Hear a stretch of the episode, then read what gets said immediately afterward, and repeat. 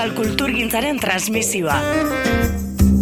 Mondragon Unibertsitateak, Goiena Komunikazioak, Euskadi Irratiak eta Bilbo Iria Irratiak elkarlanean egineko saioa.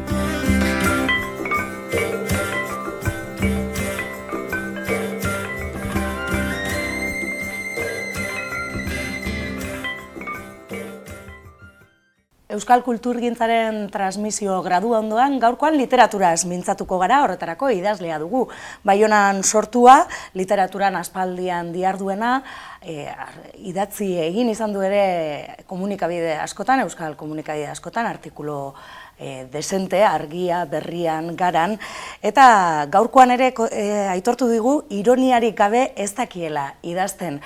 Itxaro borda dugu gurean, hau itxaro, ongietorri. Zaldean, bai. Bueno, bidai bat e, proposatu diguzu gaurkoan, bidai bat denboran eta lurraldean barna ere, ez? E, lurraldeari ere garrantzi eman diozulako gaurkoan. Bai, ez dut irudikatzen ere idazkera, eman dezagun amikuze eta iparaldearen ere mu geografikotik kanpo. Naiz eta pertsona ezon behit, batzutan egoalderat eta etortzen diren, uste beren egoak hor direla, lur utzi eta batzutan abandonatu horietan, uh, utziak dira, baina bada beti bizia, bizi zerbait, eta hori oso literarioa iduritzen zait beti.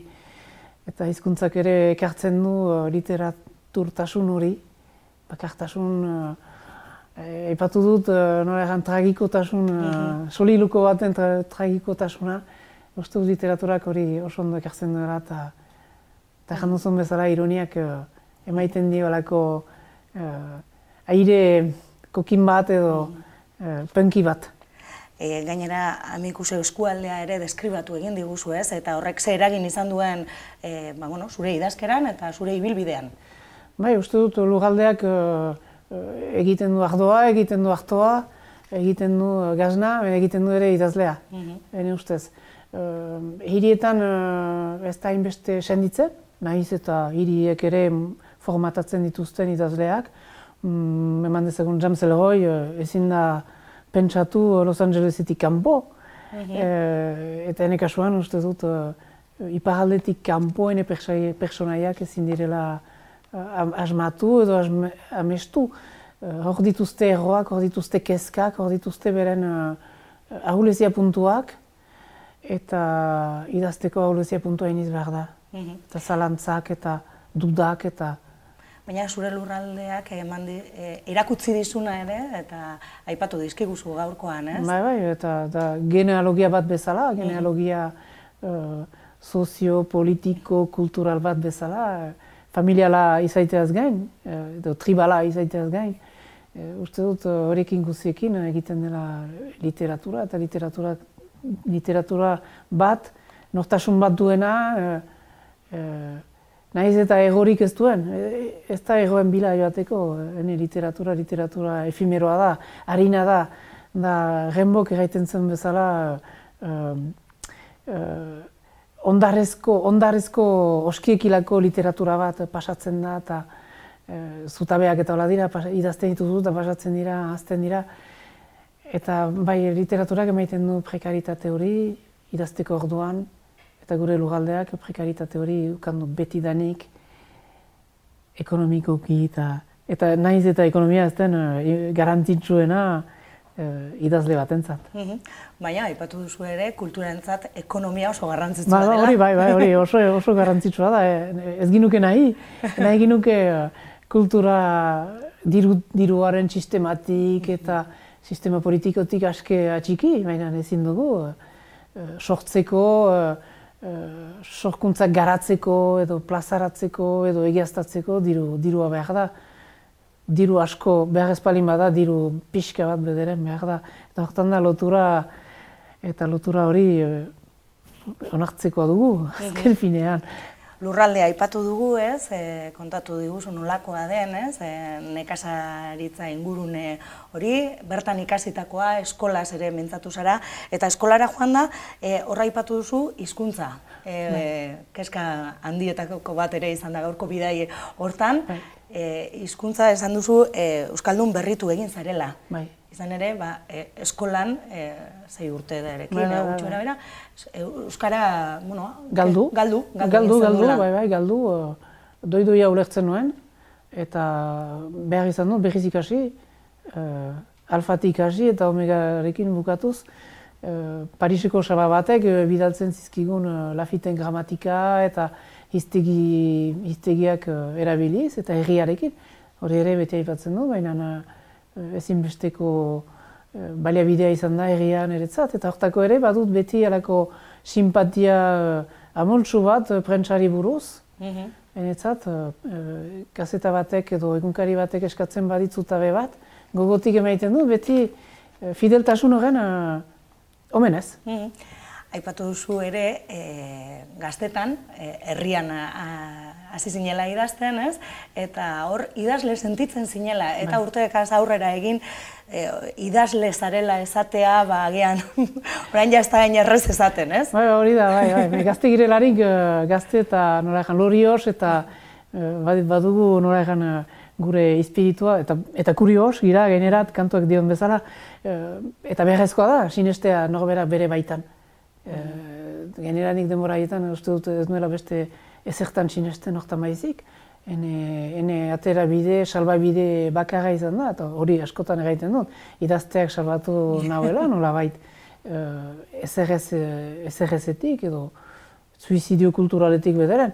Eta bai, egia da, denborarekin, Eh, eta iparaldeko idazleen eh, joera, et, joera bat da hori ironiarekin batera, eh, nekeak ditugu gure buruak idazletzat konsideratzeko hori denborarekin. Eta uste dut dela gehien bat ez girelakoan idazletzatik bizi. Mm Baditu beste ofizio batzu, ni postari, beste batzu kontable dira, beste batzu irakasle, edo Lucien Txezarreta bezala irratian ari zen lanean.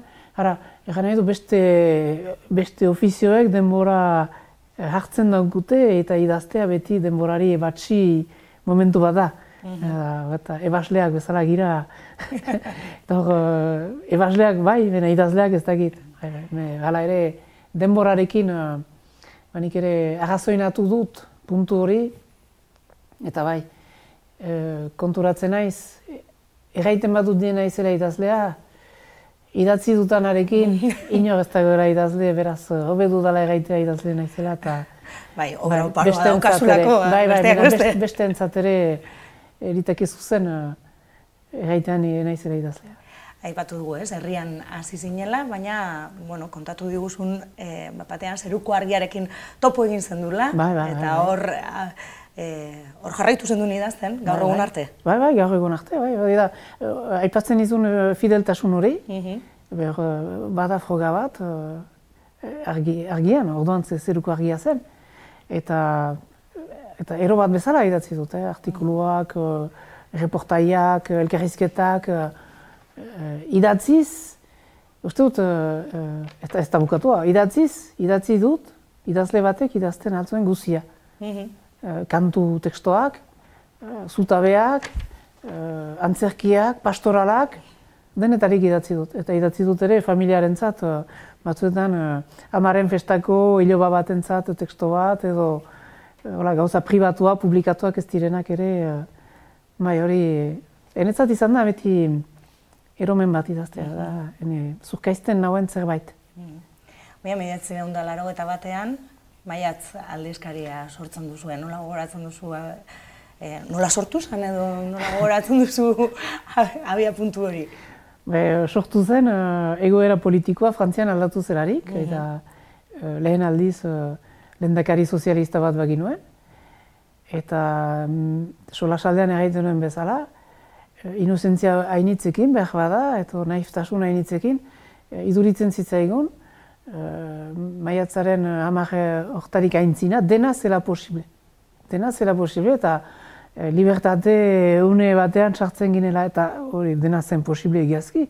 Uh, hainbat nun, maiatz aldizkaria sortu ginuen oso diru gutxirekin eta bat ere laguntza publikorik gabe, ez baitzen demora haietan. Eta uste dut momentu uh, haundia izan zela, abentura hortan parte hartu ginuen guzientzat. Mm -hmm. Eta gogoratzen dugu, elkartasun handia bazen gure artean.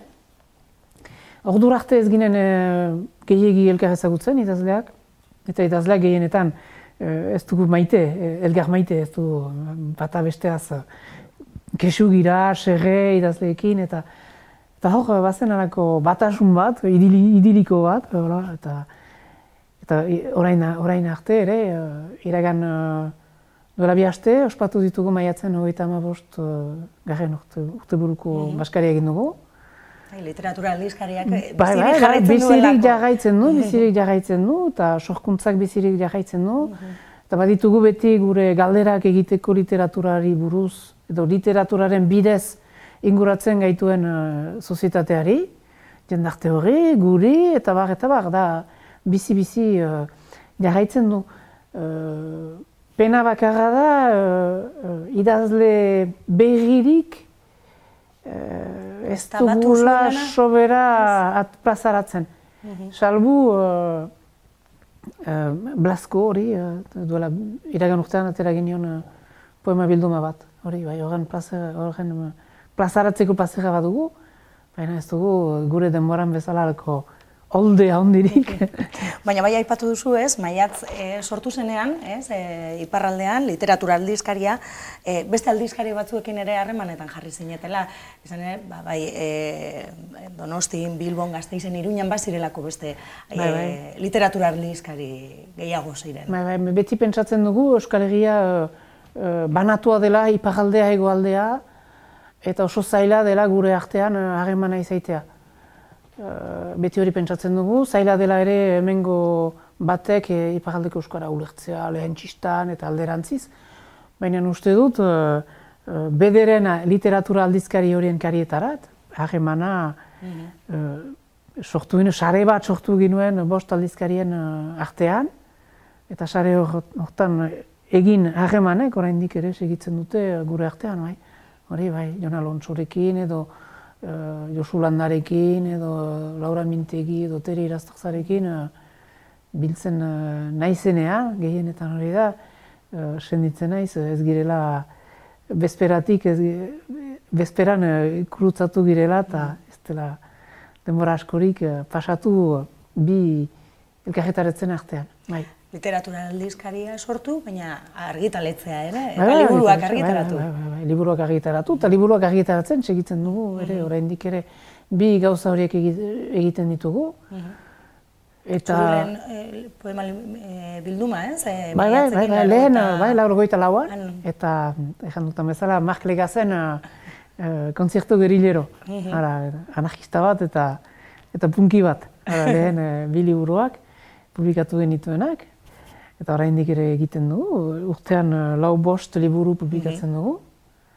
Uh, beti uh, liburu berriak dira, eta gertatzen dena, publikatzen ditugu ere, uh, egoaldean publikatzen ez ditzen gazte zonbeiten edo adineko mhm. zonbeiten liburuak ere publikatzen ditugu. Egan nahi du gure esarea zabaldu dela, mhm. eta gure lana egiten dugula mugaz edo fronteraz asolatu gabe. Argitaletze komprometitua dela eta konpromisua ere aipatu duzu gaurko hitzaldian behin baino gehiagotan. Bai, aipatu dut konpromisua uh, bereziki konpromisua uh, literaturari buruz eta idazteari buruz. Mm. badugu misione bat, nik badut misione bat mm. idatzi albezain ongi batzuetan uh, teksto sinesgarriak eta beste batzuetan teksto eroak sinesgaitasunik gabe eta hori literaturak uh, zilegitzen duen bezala. Mm. Eh? Eta bai konpromisioa hori uh, gehien bat uh, hizkuntzarekin eta egoera uh, sozialarekin gehien bat ere bai, hori bai. Eta ere badugu horako konpromisio bat uh, ez gira senditzen, feni bederen idazle bezala, enai senditzen eman dezagun Parisen nire mailan idazten duen beste idazle batetik, ahotz. Mm Kezka berdina ditu kurutzatzen girelarik, ez dakit festival, liburu festivaletan eta, batzuetan, uste dut nik, suerte gehiago dudara, berak baino.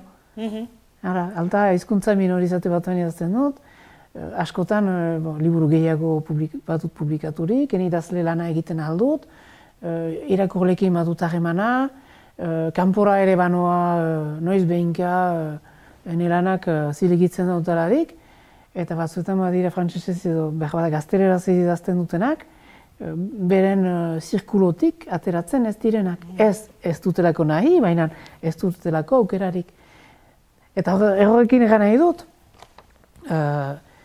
kompromisoaren eta zabaltasunaren historio horrekin, behar bada beti negarrez aiba egira gu eskaldunak, batzuetan, behar ginokela gure egoerari beste begirada batez so egin eta hartu idazleok bederen eta kantariak eta mertsolariak eta sorkuntzan ari diren gehienak, beren sorkuntzatik bizi ez balin badira ere ekonomikoki, bizi direla mhm. kulturalki eta sentimentalki. Mm Beste, ara, uste dut hori lorpen bat dela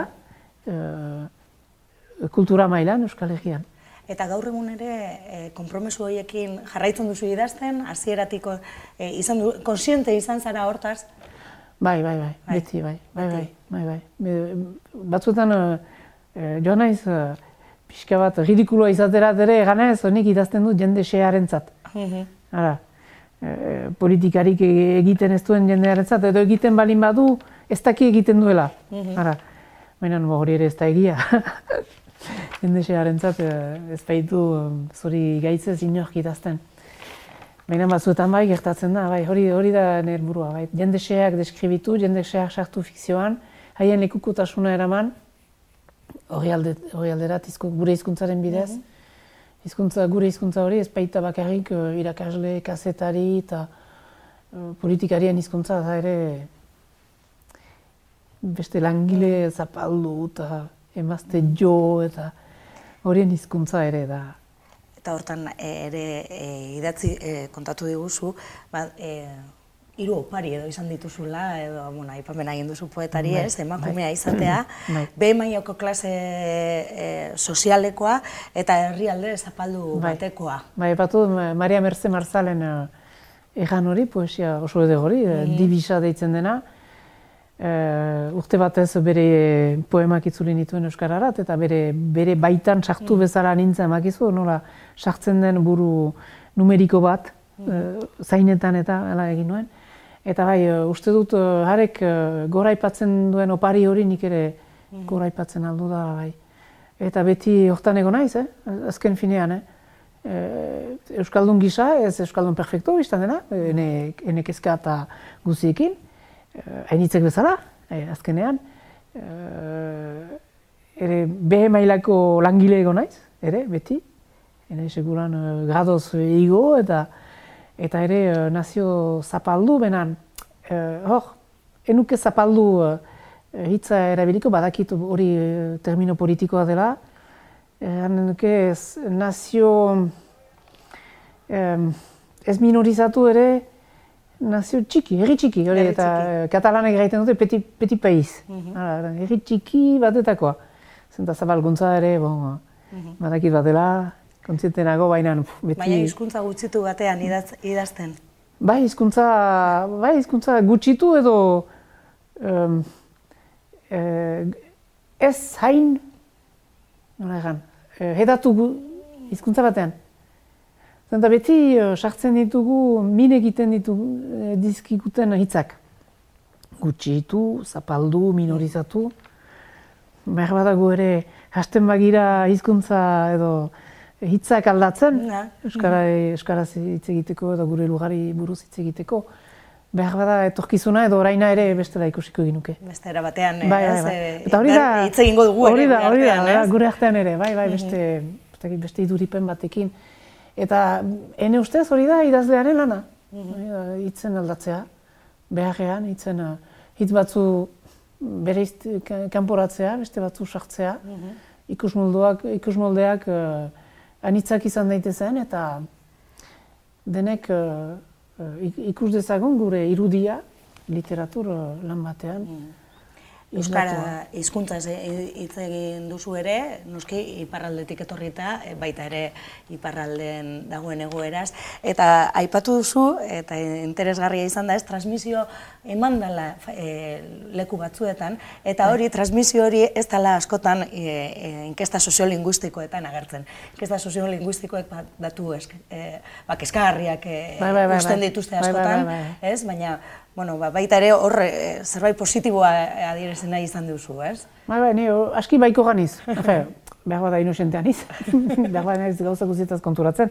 Bena, uste dut, bai, baiko ganiz. Ikusten dut, gure eskualdean bederen, uh, bo, matxine irigoien eman dezagun amikuzeri buruz eliteke bat ere nire, nire nola, aburukoa, behar bat da errealistagoa delakoan. Bena, ikusten dut, herri batzuetan eta familia batzuetan eman dezagun gure herrian, uh, Euskararen transmisioak belaunaldi bat utxe egin du. Mhm. Hori bai. Baina ondoko belaunaldiak errekuperatu du. Horregatik erraiten dut, badela beti bizia deno, eta hizkuntza batean, gorpuz batean bezala da, bizia deno bada beti bizia berpisteko edo berriz partitzeko eh, aukera hori. Eta gero, erran behar dut ere, idazten dudalarik, ez dutara gogoan atxikitzen hizkuntza nola morbido edo agonizante batean idazten dutela. Mm Enuke, uste dut ezin dela idatzi hizkuntzaz irudi ipen hori bali maduzu. Ezin da novela bat bururaino eraman. Mm -hmm. Hilusaino egin eta hitzak eta eta beraz, pixka behartu aniz ere nola, ikuspegi baikor bat edukitzen, naiz eta dakidan mm arazoa hor dela, mhm.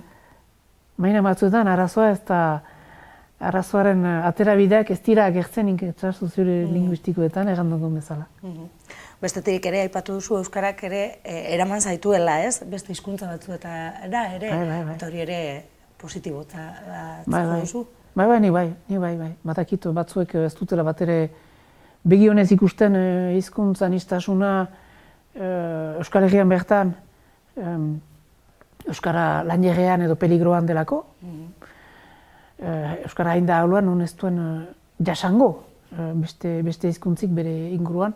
Baina uste dut hala ere, betidanik izan girela jendarte bat zeinetan hizkuntzak anitzak izan diren. Betidanik gure aintzinekoek bizpa iru mintzaira bazazkiten.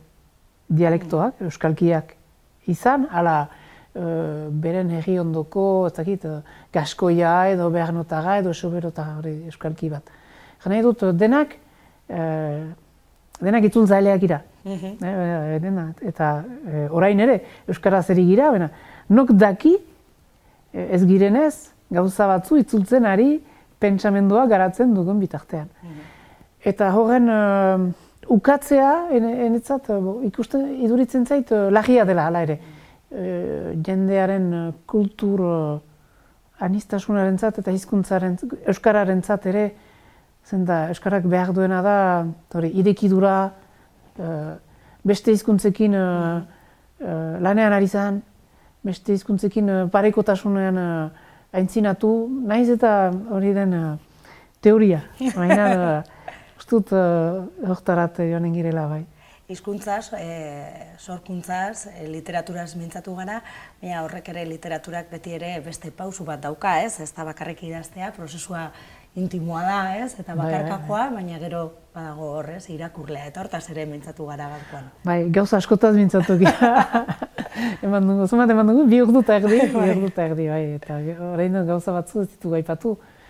Baina, bai, egia da, e, idazleak, e, premiazkoa du irakurlea. Mm Irakurle, beste irakurle bat, beraz beste irakurle bat, edo bere burua ere batzuetan.